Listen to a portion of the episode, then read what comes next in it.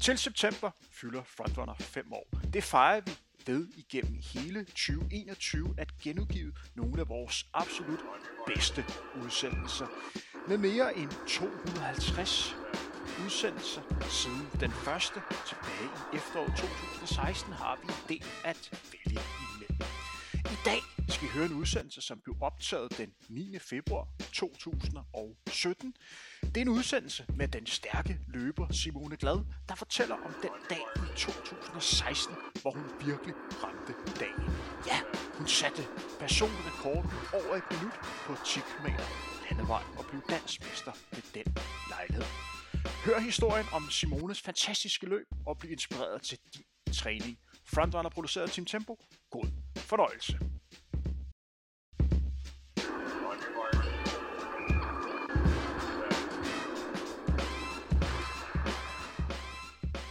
Velkommen her til dagens udgave af Frontrunner. Det vi skal snakke om i dag, det er det perfekte løb. Vi skal nørde et løb helt ned til mindste detalje. Vi skal have fokus på, hvad der fungerede, hvad personen tænkte undervejs, og hvad andre kan lære af det her specifikke løb.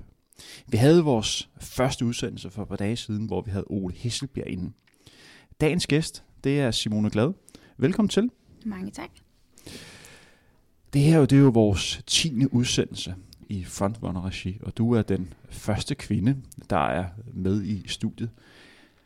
Det var sådan noget, jeg lige kom, kom i tanke om, at du, du faktisk var, det, var den første, en eller anden mærkelig årsag, har vi ikke haft nogen kvinder inde. Hvordan er det at være den, den første, der får lov til at, at være inde og repræsentere sit køn? Uh, jeg tror, det bliver spændende. Jeg tror måske, der kommer ikke andre boller på suppen, men uh, det kan være, at der som en kvinde bliver tænkt over nogle andre ting inden et løb, end der gør hos mændene. Dagens fokus i dag, det var jo det løb, du havde den 12. marts 2016, hvor du virkelig ramte dagen. Hvad det helt pr- præcis øh, skete der den, den 12. marts, skal vi nok komme ind på øh, senere. Men før vi kommer så langt, så skal jeg lige høre. Dagen i dag, det er den 9. februar. Klokken er øh, 20 minutter i 10. Hvordan har Simone det i dag? Og hun har det fint. Hun er glad for, at hun har en, en enkelt fridag til lige at klare nogle småting. Jeg er så heldig, at jeg rejser op på 14-dages træningslejr på lørdag ned til varmen, så selvom man kigger ud af vinduet og tænker, shit, det sneer, så øh, tager jeg det sådan rimelig med ophøjet ro, fordi jeg har tre træningspas tilbage, og så står jeg nede i varmen. Du nævner, at du skal på træningslejr. Øh, for dem, der sidder og lytter med, der ikke rigtig ved, hvad man skal lave på en træningslejr. Kan du ikke prøve at beskrive, hvad der kommer til at ske de her 14 dage i Portugal? Hvordan kommer en dag til at se ud for Simone? Oh, det kommer til at se meget simpelt ud, tror jeg. Vi står op, og så øh, træner vi første gang. Så spiser vi noget morgenmad. Øh, slapper lidt af. Øh, hele form, resten af formiddagen. Får noget frokost. Øh, slapper lidt mere af. Går forhåbentlig lidt ud i solen. Øh, så ligger der et andet træningspas om eftermiddagen. Øh, som regel et lidt længere karakter. Og også øh, de fleste gange også lidt hårdere karakter om morgenen. Jamen, og så er der aftensmad efter træningen igen, og så er der afslappning resten af aftenen. Så det bliver sådan en, et drømmescenarie med, at man skal træne og spise. Kan du mærke, at du bliver en bedre løber, når du er afsted? Ja, jeg kan mærke, at man får bedre tid til alle de her små ting, man måske en gang imellem i hverdagen, fordi man både har job og alt muligt andet, øhm, siger fra, fordi der simpelthen ikke er tid til det. Det har man tid til dernede. Nu nævner du selv øh, job. Hvis du nu lige skal beskrive den private øh, Simone, hvad laver du, når du ikke, øh, når du ikke løber? Hvis du sådan skal øh, beskrive den lidt mere private udgave af Simone. Øhm, jamen, øh, så flyver jeg det meste, eller kører det meste af landet rundt for at komme på arbejde. Jeg er ansat som fysioterapeut og atletiktræner på Vejle Idræts Efterskole. Og som folk nok ved, så sidder vi lige nu i København og optager det her, og jeg bor også i København. Øhm, og så øh, de andre dage om ugen, hvor jeg ikke er i Vejle, der arbejder jeg for klinik. Okay.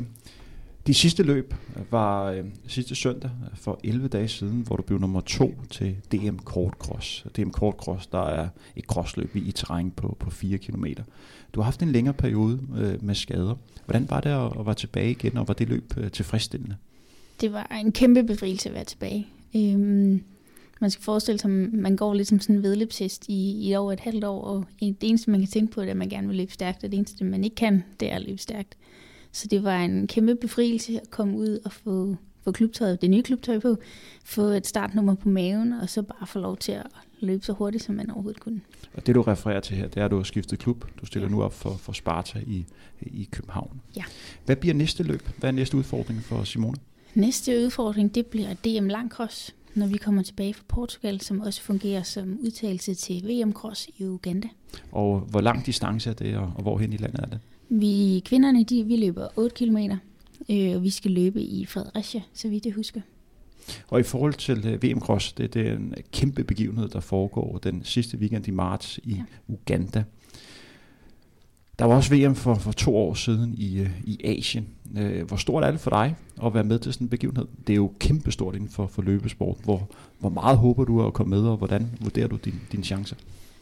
Altså, jeg håber virkelig på, at jeg kommer med. Nu øh, var jeg jo med i Kina og fik lov til at opleve hele showet, og vi var, var vi tre senior kvinder og tre junior piger derude sammen med vores kære holdleder Nils Kim. Og det var kæmpestort. Vi havde en hel uge i Kina, så vi havde også en lille smule tid til at opleve Kina. Øhm, opleve deres kultur. Vi havde en attaché, en meget sød ung pige med os, som fulgte os rundt til alting. Så det gjorde også, hun vidste, jamen på det her marked, vi gik rundt på, hvad kunne vi, hvad kunne vi prøve at spise, og hvad skulle vi holde os fra, og hvor skulle vi gå hen, og hvor skulle vi lade være med at gå hen. Så man fik ligesom oplevet landet på en helt anden måde, samtidig med, at vi selvfølgelig var dernede for at holde fokus på den opgave, det var at løbe, løbe løbet. Det med jer, der hører det her program her, der måske ikke rigtig ved, hvad VM i cross er for en størrelse, så kan jeg fortælle, at inden for løbesporten, der er det nok det absolut sværeste løb at være med i. Normalt er løbere fordelt ud på forskellige distancer. Her har der én distance, og hver land må stille op til, til seks løbere. Så der bliver virkelig løbet igennem. Det her det er det ultimative sted, man kan være som løber. Det er et sted, der er rigtig fedt at være, hvis man er i form, men knap så fedt, hvis man ikke er i form, så får man godt nok tæsk. Vi optager jo frontrunner i, i samarbejdet med øh, Mediano. Jeg kan lige nævne, at mit navn er Henrik Thiem. Øh, vi sidder her i Pirlo Sule, og vi har Daniel Siglaug øh, på teknikken, som vi venligst har udlånt for Mediano.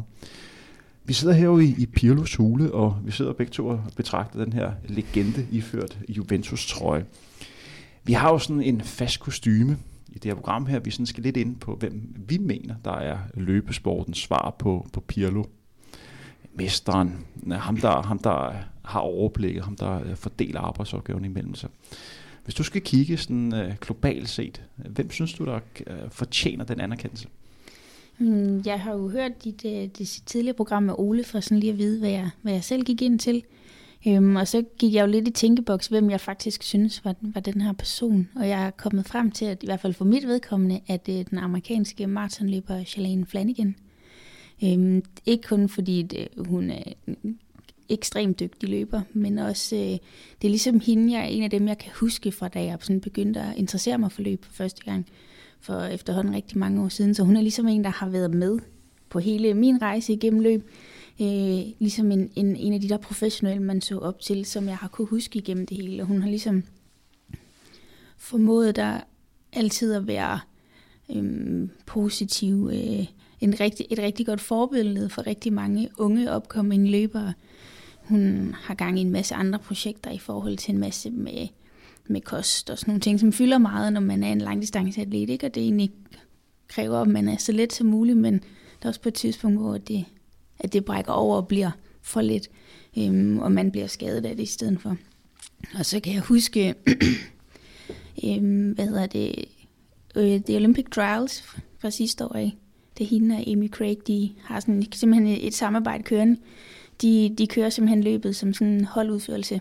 At de simpelthen trækker hinanden rundt. De er træningskammerater til daglig. Og de har simpelthen nærmest indøvet det her løb fra start til slut. Og det her med, at man ligesom er en individuel sportsgren, og man, man løber for sig selv. Men her der formoder de faktisk at lave det som en, vil jeg kalde den holdpræstation, fordi de faktisk trækker hinanden igennem øh, hele løbet.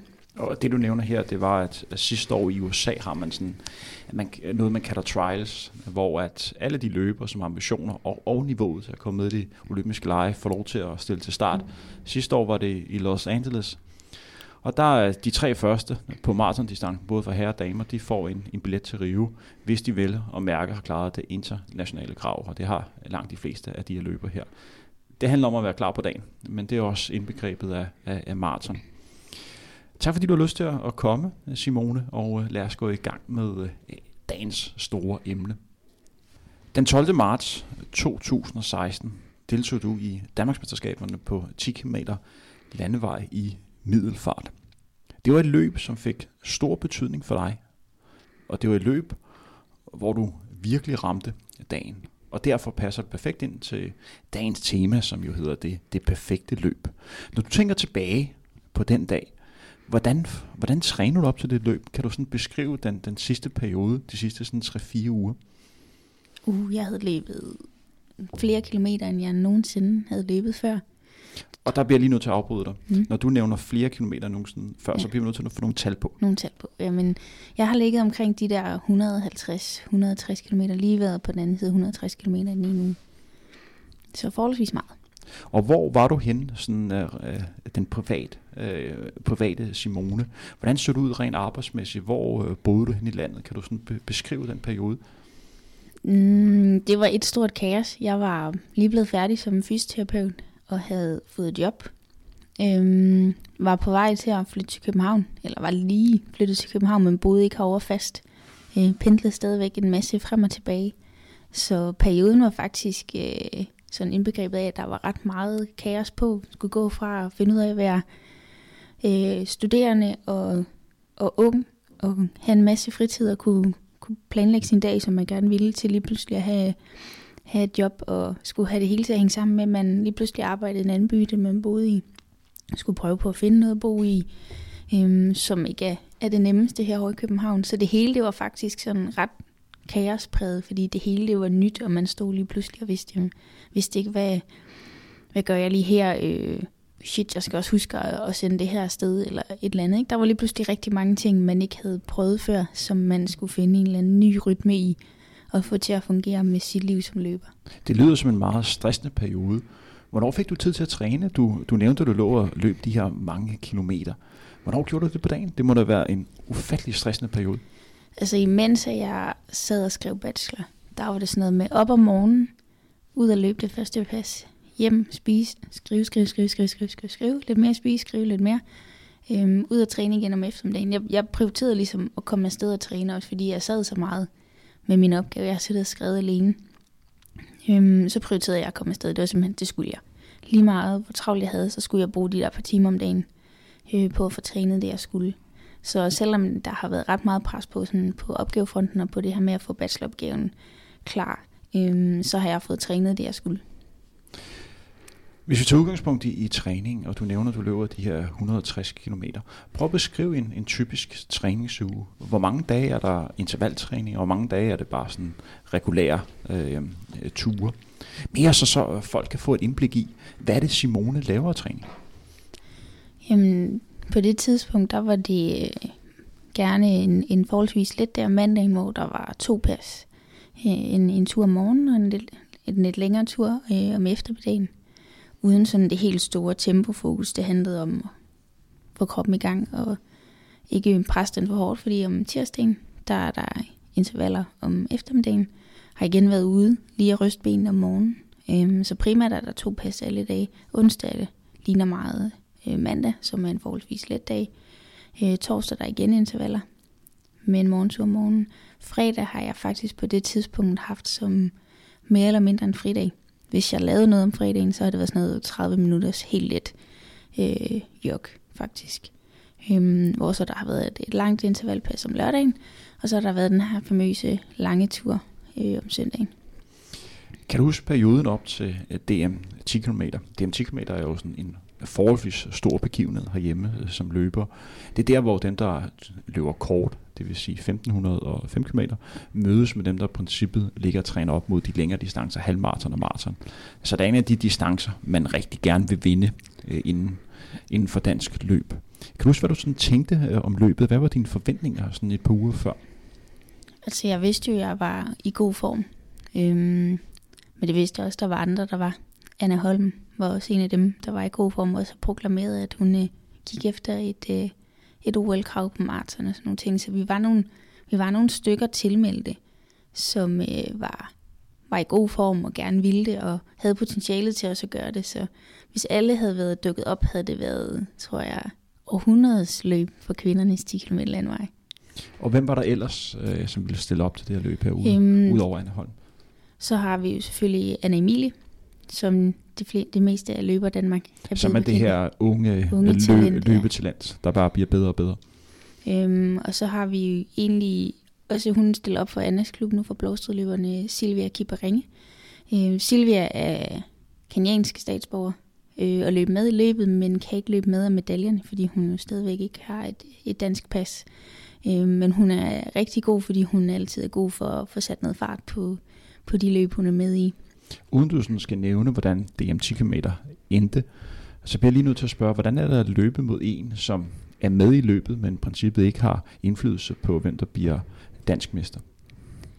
Øhm, man kan sige lige, når Silvia er så god, som hun er, hun er i princippet en, en lille smule bedre, i hvert fald på det tidspunkt, end, end mange af vi andre var. Jeg tror, at Silvia, uden at være sådan helt skarp i det, ligger og løber en hel del flere kilometer, øhm, end nogle af os andre, vi gør. Øhm, så man kan sige, det hun, hun har en meget aggressiv måde at løbe sin løb på, gør jo, at man kan sige, man kan få hende til at gøre noget af det hårde arbejde. Al den her transport, den første halvdel af løbet, handler jo om at transportere sig selv. Øhm, og så går løbet først for alvor i gang, når man ligesom går ind i, i den anden halvdel. Øhm, så det gjorde jo, at jeg ikke skulle ligge mutters alene øh, hele vejen, fordi det kan vi jo snakke om lidt, ikke? Men, men jeg gav den også gas til DM 10 km. Når du sådan kigger tilbage på den her periode op imod DM 10 km, den 12. marts 2016, hvad er det for nogle ting, du gjorde rigtigt? Du nævner, at det var sådan en hektisk periode. Anbefaler du, at man har sådan en hektisk periode, hvis man gerne vil ramme dagen? Overhovedet ikke. Der skal man helst sørge for at, at føle, at man har god tid, føle, at der er styr på de ting, man skal. Øh, ikke kaste sig ud i nogle nye, kæmpe store projekter, hvis man rigtig gerne øh, vil præstere på et løb. Øh, der skal man holde sig til det, man kender, øh, og have, have basis af sin, sin hverdag i, man sige, på plads. Øh, og så kan man, man kan selvfølgelig altid eksperimentere lidt, men hvis man lige pludselig bare rykker ved, ved hele fundamentet, sådan lige op til et stort løb, så øh, skal man virkelig være heldig for, at, at tingene de klapper på dagen. Er der nogle ting, du gerne vil have gjort anderledes, nu når du tænker tilbage? Ja, øhm, den sidste halvdel af min bachelor bliver ret, øh, ret kaospræget, fordi jeg til den sidste samtale med min vejleder den 22. december eh, 2016 får at vide, at det vi har snakket om til det første møde tilbage, da vi startede med opgaverne, eh, det er forkert. Så hvis jeg kan nå at skrive 90% af min opgave om, inden vi skal aflevere den 14. januar, så er det fint, men ellers så kunne jeg vælge at have afleveret til sommer. Og så blev jeg nok bare sådan lidt stedig, at det skulle jeg med nok sørge for at, øh, at få færdigt. Det kan være, at jeg ikke får 12 så, men øh, færdig, det skal jeg være, fordi jeg skal ikke vente et halvt år mere på at få lov til at kunne kalde mig fysioterapeut. Så vi sætter lige scenen her. På det her tidspunkt her er vi sådan, øh, omkring den 6. 7. marts 2016. Livet for Simone på det her tidspunkt, det er, at der er afleveret en bacheloropgave. Det har været en lang periode med virkelig, virkelig højt stressniveau. Træningen har fungeret godt, men det har været træning, der er blevet lavet på skæve tidspunkter, fordi der skulle være plads til at læse fordybelser i det her øh, afsluttende bacheloropgave. Du står sådan lidt på, på vadested. Hvad der, øh, hvordan er det at være øh, færdig med øh, studielivet kontra og at være arbejdende? Samtidig med, at du er sådan lidt usikker på, hvor det reelt er, du skal bo hen i, i landet. Er det korrekt forstået, hvordan det ser ud her den 6. 7. marts? Vi er jo rimelig tæt på løbet. Vi er jo fem dage før løbet. Hvordan forholder du dig til, at der er et, et løb så kort tid ude i horisonten? Hvad er det for nogle ting, der går igennem hovedet på Simone her? Mm, jeg har afleveret min bachelor og har fået job. Øh, jeg startede job den 22. februar, så jeg var lige startet. Øh, jeg havde været et par gange, eller i gang et par uger. Øhm, jamen, jeg prøvede på at få, få, ting, få styr på så mange ting som muligt. Jeg skrev ligesom op i kalender, min kalender, her skal jeg det, det, det, det, op til dagene, så jeg præcis vidste, mm, hvad jeg skulle med min tid, hvornår skulle jeg arbejde, hvornår skulle jeg træne, hvor meget skulle jeg træne, øhm, alle de her ting, så der simpelthen det hele, det var bare nærmest puttet i kasser i dagene op til, hvornår tager jeg hjem. Øh, jeg er jo født og opvokset på Fyn, så det var øh, man siger, nemmest at tage hjem og sove hos mine forældre dagen før, øh, eller i dagen op til. Lavede du en nedtrapning op til løbet? For dem af jer, der ikke rigtig ved, hvad nedtrapning er, det er, hvis du har været inde i en lang, hård træningsperiode, og hvis man gerne vil performe øh, 100%, så kan det være en fordel, at man lige trapper lidt ned. Det vil sige, at man, man træner mindre og har fokus på at blive frisk. Lavede du det op til, øh, til det her løb her? Ja, den sidste uge er sådan forholdsvis let. Jeg tror, jeg løber det sidste sådan hårde pas, uden at det er helt vildt hårdt. om tirsdagen, og så handler det egentlig derom fra, eller derfra til at blive frisk til at løbe om lørdagen, tror jeg. Ja, løbet var øh, lørdag den, den 12. marts. Kan du huske, hvad du lavede dagen før løbet? Du nævnte, at du tog hjem til dine forældre i, i Odense. Var det dagen før? Øh, jeg tog hjem et par dage før, tror jeg. Øh, men har været ude og lige at ryste benene lidt i løbet af dagen. Spist godt. Spist øh, let. Øhm, ikke mæsket mig i store røde bøffer eller noget som helst, men øh, fået, fået tanket depoterne op og fået slappet godt af.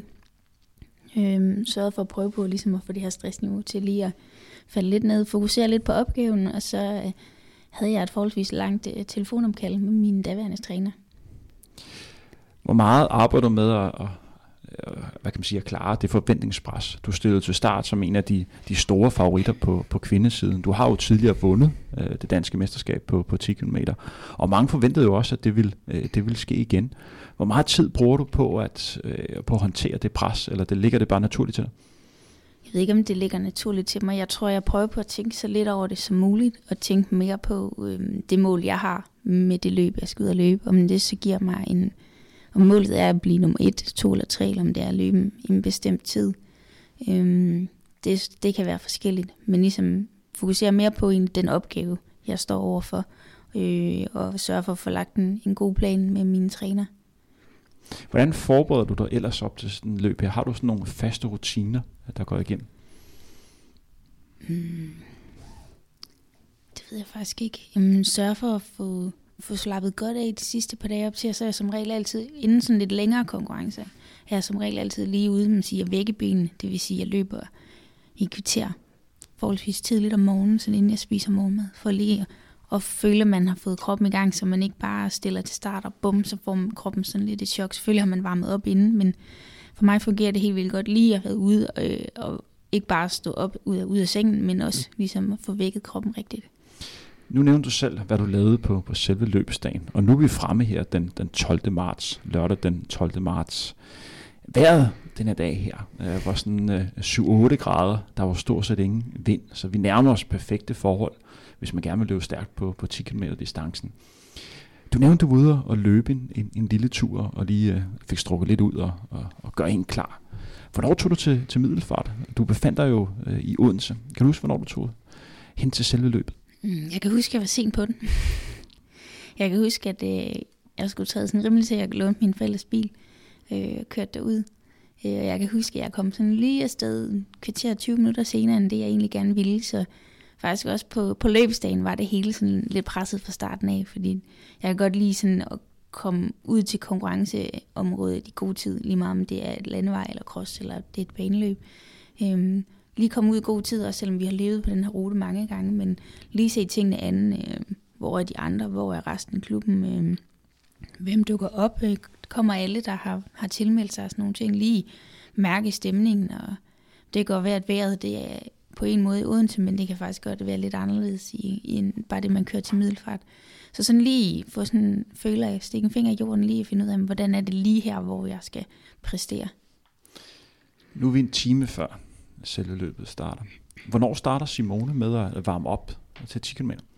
Det gør jeg cirka en times tid før. Kan Så du beskrive jeg, den her opvarmningsproces? Øh, jeg skal som regel tisse 16 milliarder gange, men det kan, tror jeg, de fleste løbere de kender. Øh, så jeg starter som regel opvarmning ud på toilettet. Øh, kommer af med det, man nu kan. Øh, og så løber jeg et sted mellem 20 til 25 minutter. Sådan forholdsvis, plejer mange gange gerne progressivt, så jeg starter lidt langsomt ud, og så slutter jeg det forholdsvis hurtigt. Ole, som vi havde med her for på siden, han nævnte, at han har lavet en speciel løbeplayliste, og han kunne kun præstere, hvis han hørte Linkin Park. Mm og den var lige præcis 12 minutter, og når der var gået 12 minutter, så skulle han være færdig med at varme op, i hvert fald, mm. når vi kun tænker på løb. Har Simone også en playliste? Nej, jeg har lavet en aftale med min far, men jeg ikke løber med musik, fordi det er forholdsvis farligt. Jeg ved godt, at mange gange varmer vi op på lukkede områder, øh, men jeg løber faktisk aldrig med musik. Øh, simpelthen fordi jeg gerne vil høre omgivelserne, hvad der sker. Løber man ud i skoven, er det lækkert bare at kunne høre naturen, og løber man rundt inde i byerne, jamen så synes jeg, det er vigtigt, at jeg kan, kan høre trafikken for at orientere mig, for det er rigtig mange gange, at øh, hvis jeg er de lidt hårde trafikanter, folk i bil, de øh, undervurderer, hvor hurtigt jeg egentlig kommer løbende. Så der er et par gange, hvor det har været lige ved at gå galt. Nu er du varmet op, du er ude og løbe de her 20-25 minutter, og du kan sådan fornemme, at starten er ved at nærme sig. Du kan også fornemme allerede nu, hvor du er henne. Har du gode ben eller dårlige ben? Du lægger også mærke til, hvad for nogle andre kvinder, der, sådan, øh, øh der sådan møder op til start, og, og nogle ser jo mere skarpe ud end, end andre. Hvad tænker man i denne proces her? Oh, jeg tror, man prøver på at tænke så, så lidt som muligt. Selvfølgelig har man orienteret sig om, hvor mange er dukket op. Øhm, og man får ligesom øh, sagt, de, udvekslet de sidste par ord med ens træner om, hvordan skal taktikken helt præcis være. Øhm, Anna dukkede ikke op. Det blev øh, lidt en kamp mellem Silvia og jeg hele vejen, nærmest fra start af. Og det kommer vi til, det kommer øh, vi til. Øh, lige om lidt. Så, jamen, man er super fokuseret. Man får ikke øh, måske hilst på, på alle dem, der hilser, fordi man sådan lidt går ind i sin egen lille boble, øh, hvor man bare kun koncentrerer sig om sig selv, nemlig får mærket kroppen. Ja, den føles godt. Øh, man får sagt til sig selv, på at træning den har kørt lige i skabet. Øh, får ligesom skabt øh, fokus på lige nøjagtigt det, man skal gøre, og får lukket lidt alt det her andet stress, øh, nyt job, ny livssituation, øh, bla bla bla, jeg kom for sent afsted, men er alligevel klar. Man ligesom får lukket ned for alt det udenom.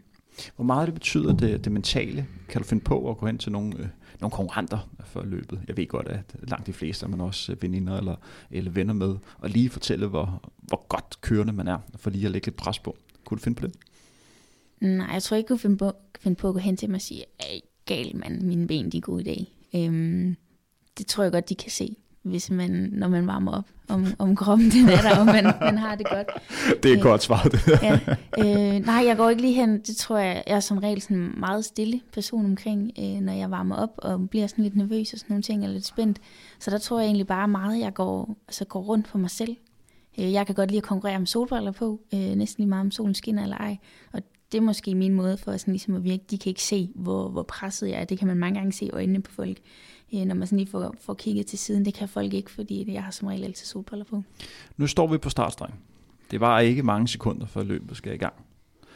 Og du nævnte lidt, at det her det var lagt op til en duel mellem dig og Silvia. Kan du huske, hvad taktikken helt præcist var? Ja, den var rimelig klar. Jeg skulle afsted, og jeg skulle afsted fra starten. Kan du beskrive sådan en 10 km distance? Hvordan skal man angribe øh, den? Hvad, hvordan får man løbet det bedst mulige løb? Øh, hvad er den optimale taktik? Jeg tror for, for alle, også uanset distance, så handler det om ikke at komme for hårdt ud. Jeg skulle hårdt ud, men finde balancen mellem for hårdt og hårdt. Kan du beskrive det der med at komme for hårdt ud? Øh, er det simpelthen med, at man kommer ud alt for hurtigt, og pulsen stiger, og så lige pludselig har man det bare vanvittigt hårdt? Ja, altså man føler, at de første to kilometer, det går helt vildt godt, og man tænker bare yes, og så ud omkring tre, så bliver det virkelig hårdt på en tier, for eksempel. Kan du huske, hvad du tænkte, da du stod på startstregen og kiggede rundt på de, på de andre kvinder? Nej, jeg tror ikke, jeg tænkte så meget. Jeg tror, der var total stillhed oppe i mit hoved, som i, nu venter jeg bare på, at startstrengen lyder, og så har jeg en plan. Øhm, jeg tror, det, det tidsmål, min, min træner havde sagt til mig, det havde jeg sagt til ham, prøv at det er fuldstændig vanvittigt, så hurtigt kommer jeg ikke til at løbe. Øhm, men vi havde alligevel en aftale om, at jeg skulle hurtigt ud. Jeg har ikke øh, ur på, så vidt jeg husker. Jeg har i hvert fald ikke kigget på det, øh, men får nogle, nogle tids øh, glisseringer fra min træner undervejs. Kan du nævne tidsmålet, som, som din træner mente, at du kunne løbe? Han mente godt, at jeg kunne løbe under 33 minutter. Og hvad havde du af personrekord på det her tidspunkt her? Jeg havde 33,58. Så det er en, han snakker om en personrekord på omkring en minut? Ja det er en stor forbedring Kæmpe stor. Øh, på, på 10 km distancen. Løbet er i gang, Simone. Hmm. Og vi er ude nu omkring den første kilometer. Ja. Hvordan har du det der? Jeg har det godt, men når også lige at, at, at få et tilråb fra ham, hvor han råber 309, og det ved jeg godt, det er lige hurtigt nok. Og 309, så ligger man så sin sluttid på lige under 32 minutter. Ja. Det er relativt hurtigt. Det er ret hurtigt. Øh, men jeg skulle også hurtigt ud. Øh, men får justeret tempoet lidt. Øhm, og det bliver sådan lidt, øh, ikke et makkerløb, øh, fordi Silvia og jeg er, er konkurrenter. Det er man, selvom vi kan være gode veninder uden for, eller inden startskuddet lyder, så er vi de dybeste konkurrenter lige snart, det startskuddet det lyder. Så der var ingen hjælp at hente hos hende. Øh, vi lå sådan, så trak den ene lidt, så trak den anden lidt, og så prøvede man at leve fra, og så prøvede den anden lidt. Så det blev sådan lidt en, øh, nærmest sådan en, hvad kan man kalde det, sådan en skiftende dans. Hvem, hvem kommer foran? Hvem, hvem når lige først over den her kilometerstreg? Eller sådan nogle ting. Så Jeg tænkte, det her det er hurtigt, og det er også lidt for hurtigt, men det er ikke så hurtigt, at det kommer til at have den store betydning. Hvor meget har du fokus på dig selv, og hvor meget har du fokus på Silvia? På det tidspunkt der er det kun jer to, der ligger isoleret op i front. Tempoet er rigtig hurtigt. Du ligger til en kæmpe personrekord.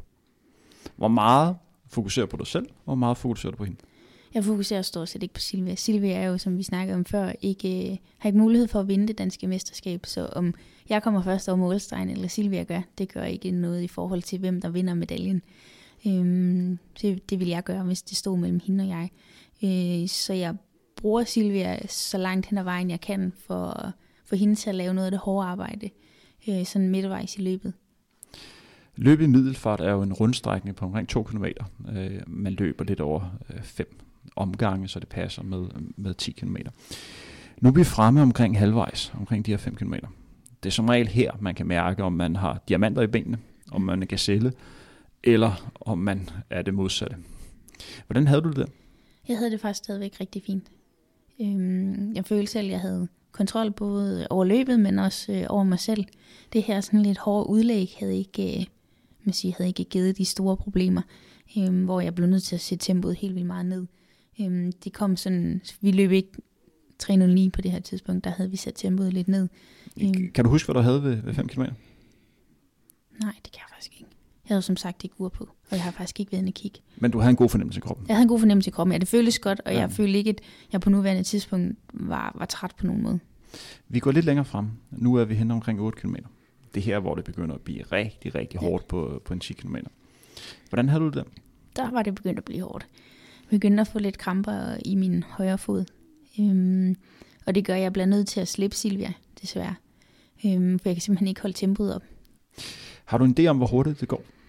På det her tidspunkt her? Øh, vi har næsten lige løbet forbi min træner, og han siger på det tidspunkt, vi ligger og løber lige omkring 3.15. Vi har været nede og løbe lidt langsommere, men er begyndt at øge farten igen. Og 3.15, det svarer til 32.30. Ja. Øh, så du ligger stadig til en, en fantastisk sluttid og, og en markant øh, personlig rekord. Nu er vi inde på den sidste kilometer, og du kan se målet længere frem. Mm. Du kan se uret begynde at tække. Ja. Hvad tænkte du der? Middelfartruten er jo det er der, hvor den er fantastisk, at man nærmest sådan 300 meter før mål kan se målportalen og kan se uret. Øhm, og jeg får kigget op og får set, at der stadigvæk står 32 minutter. Øh, kan høre, at øh, Silvia er ved at nærme sig målstregen. Øhm, og jeg kan se, at det kan lade sig gøre at løbe det her vanvittige, den her vanvittige tid, min, min træner sagde til mig i telefonen dagen før, det troede han godt på, at jeg kunne, ikke? hvor jeg bare havde grint lidt af ham og sagde, ja, det er godt med dig.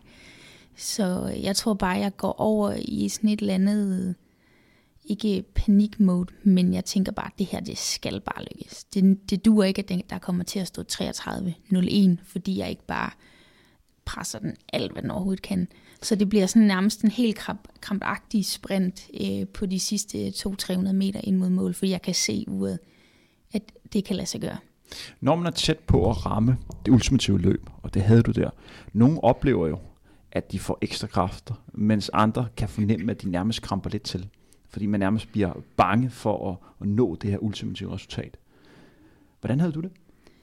Fik du ekstra kræfter? Jeg fik, øh, ja, jeg var træt, da jeg ramte 9, 9,5 km. Øh, og da jeg ser målstregen og uret op på målportalen, ja, så fandt man lige det der 7. og 8. gear, man ikke, øh, man ikke troede, man havde. Øh, fik trykket hele vejen ind over målstregen. Simone, du kommer i mål på 32 minutter og 47 sekunder. Du sætter personrekord med langt over et minut.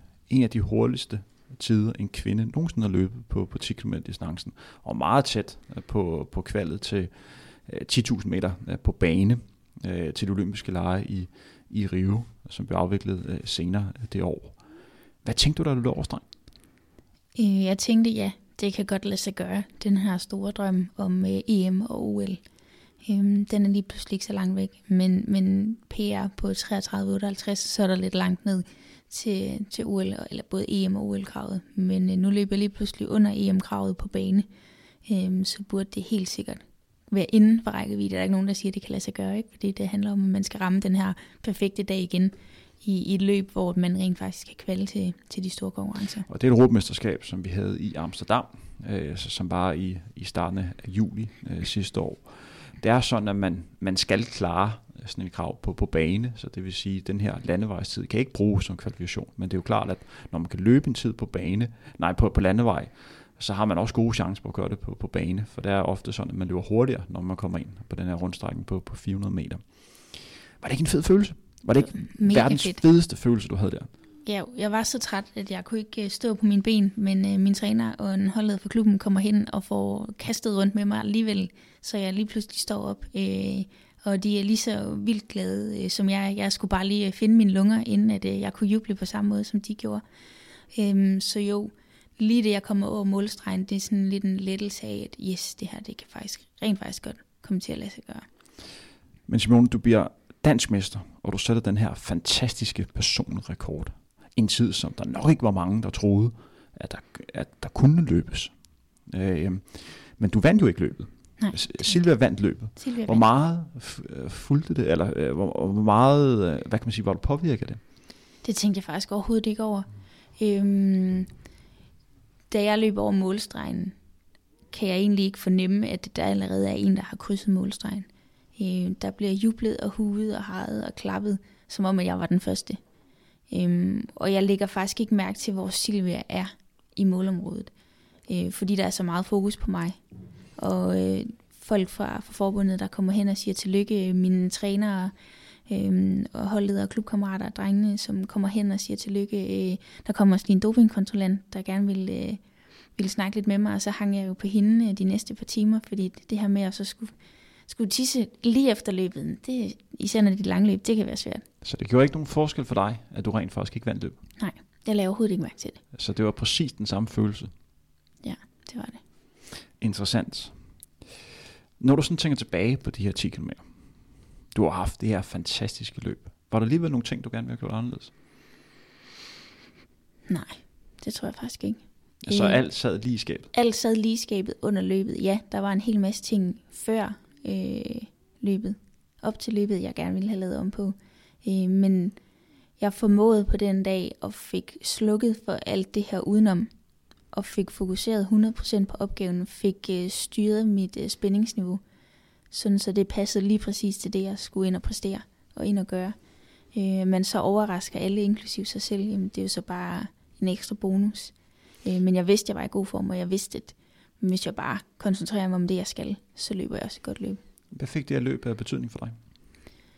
Det betød jo lige pludselig, at øh, vi EM og, og OL måske var inden for rækkevidde, så vi begyndte at, at søge nogle løb lidt mere sådan, i, uden for Danmarks grænser. Øh, både på, på 5, men også på, på 10 km. Øh, det gjorde så desværre også, at øh, vi pressede min krop ret hårdt, og det resulterer i, at jeg desværre bliver skadet. Øh, øh, og det meste af sommersæsonen faktisk øh, smuldrer. Og det tror der er en konsekvens af, at, at niveauet simpelthen er, er hævet, overlæggerne er hævet, og dermed nemt kommer til at, at presse kroppen øh, lidt for hårdt. Når jeg kan høre den her historie, så kommer jeg måske også til at tænke lidt på, at det er måske en reaktion af den sidste måned, hvor der har været ekstremt stor pres på, øh, på den private front. Tror du, det øh, måske kunne udløse den her skade? Helt sikkert. Jeg tror helt sikkert, at det, alt det her stress og jag og uvidsheder og fortvivlelse også øh, mange, mange gange har, har sat en negativ præg på min krop. Øh, som fysioterapeut, så ved jeg godt lidt om, hvad der sker øh, inde i kroppen, når man bliver stresset. Øh, ikke føler, man er god nok, ikke føler, man ved, hvad man, man gør, eller det, man gør, er det rigtige. Øh, Øhm, så ja, jeg tror helt sikkert, at alt det her det her skift i, i mit liv, om, om, lige omkring det her løb, øh, har en stor indflydelse på det. Når du tænker tilbage og tænker og øh, det her forløb op imod den her fantastiske tid på 32 minutter og 47 sekunder. Hvad kan andre lære af den her historie? Hvad for nogle ting kan du fremhæve, som lykkedes, som andre kan bruge i deres kamp på at blive bedre? Altså det lykkedes jo i hvert fald at få, få slukket for alle de her øh, stressende tanker og alt, alt det her, der var udenom. Altså vi har jo, går alle sammen med et eller andet, der måske lige irriterer os lidt, eller nærer os lidt, og nogle ting, de fylder mere end andre. Øh, og hvis man virkelig gerne vil præstere, så skal man virkelig kunne, kunne lade de ting ligge, øh, og ikke lade, lade sig påvirke af dem, imens man, man løber. For ellers så, øh, så har man ikke fokus 100% på opgaven, og derfor så får man heller ikke øh, sit maksimale sin maksimale præstation ud af det. Du nævnte, at, du desværre blev, øh, blev skadet efterfølgende, og det er jo en skade, som i princippet har, har gjort, at du var ude i, i relativt lang uh, tid. Du kom tilbage alligevel og blev, blev dansk mester, det er korrekt forstået, på, på banen i, uh, i Odense. I Eller i Aarhus. Ja, i Aarhus. Ja. ja. Øh, det var stadigvæk sådan lidt... Jeg havde var ikke på toppen, da jeg overhovedet... Jeg havde stadigvæk problemer. Øh, det var blevet lidt bedre, og derfor så forsøgte vi os til, til DM Bane der i august. Og det var på 5.000 meter? Det var på 5.000 meter, ja. Øhm, et, fordi jeg havde lyst til det. Øhm, og to, fordi kroppen nemlig havde fået det bedre. Jeg var ikke fit for fight endnu, men øh, det føltes som om, at kroppen var på vej derhen. Øh, men må sande igen bagefter. Jeg når jo at vinde det her løb i, i et tæt opgør øh, med Louise Langelund op for 1900. Øh, det var super hårdt løb. Øhm, og det, jeg tror måske også faktisk, det, det var det et hårdere løb end 10 km i, i foråret. Fordi jeg havde ikke nogen tro på, at jeg kunne gå ind og gøre det her. Der var flere gange, hvor jeg tænkte til mig selv, nu stopper jeg bare. Nu, nu er det for hårdt. Øhm, til syre, det gør ondt, det, jeg kan slet ikke styre min vejrtrækning, men alligevel formåede jeg at blive hængende bag ved Louise. Louise trak rigtig langt hen ad vejen. Øhm, og det bliver egentlig sådan noget med, at jeg går forbi hende ude ved er det 1200 meter til mål. Øhm, og hun kommer op igen en omgang efter. Øh, og så bliver det sådan noget med, at vi nærmest bare ligger og skifter øh, førerpositionen de sidste 200-300 meter op mod mål. Hvor jeg så lige nøjagtigt over at trække det længste strå. Og fik endnu en, en titel med hjem ja. til dit øh, efterhånden store øh, løbe-CV. Hvad er målene i fremtiden for, for Simone? Altså det kortsigtede mål, det er det her VM i Uganda. Det vil jeg helt vildt gerne. Hvad med lidt mere langsigtet? Langsigtet mål, jamen øh, nu glippede det, det er jo her i 16 med de store mesterskaber, så jeg tror for alle, alle løbere, der gerne vil det på eliteplan, der er OL det ultimative. Og det er det selvfølgelig også for mig. Hvis vi sidder her igen om et års tid, mm. den 9. februar, det må så være i, i 2018. Ja. Hvad har du så oplevet det sidste år? Jeg har forhåbentlig været i Uganda. Øh, jeg har forhåbentlig sat en PR på 5.000 meter. Øh, I hvert fald. Også gerne på, på 10. Men øh, 5.000 meter har jeg sådan lidt et, et udstående med. Den har stået der i nogle år efterhånden. Øh, og det har altid lidt øh, glippet øh, de gange, hvor jeg efterfølgende har lavet en 5.000 meter. Så det, det er sådan en, der sådan sidder og nager lidt, at jeg kan godt løbe hurtigere end det min PR på 5.000 meter lige nu.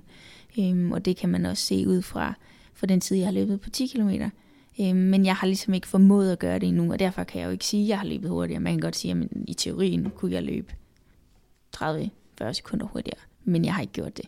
Øhm, og så har jeg det sådan lidt, så kan man ikke gå ud og sige det. Jamen, jeg kunne i teorien godt løbe langt under 16 minutter. Øhm, så det er en, der helt sikkert skal have en skalle, og det er også det, der bliver, bliver hovedfokus her henover, henover sommeren. Simone, jeg håber, det, det lykkes for dig. Det her, det var vores anden afsnit af vores løbeserie, Det Perfekte Løb. Jeg, Henrik Thiem, siger tak for i dag. Vi havde Daniel Sigler på teknikken. Og endnu en gang, Simone, tak fordi du havde lyst til at møde op, og, og held og lykke med øh, de fremtidige løb, og jeg håber, du kommer til, til VM i Uganda, og rigtig god træningslejr i Portugal. Mange tak.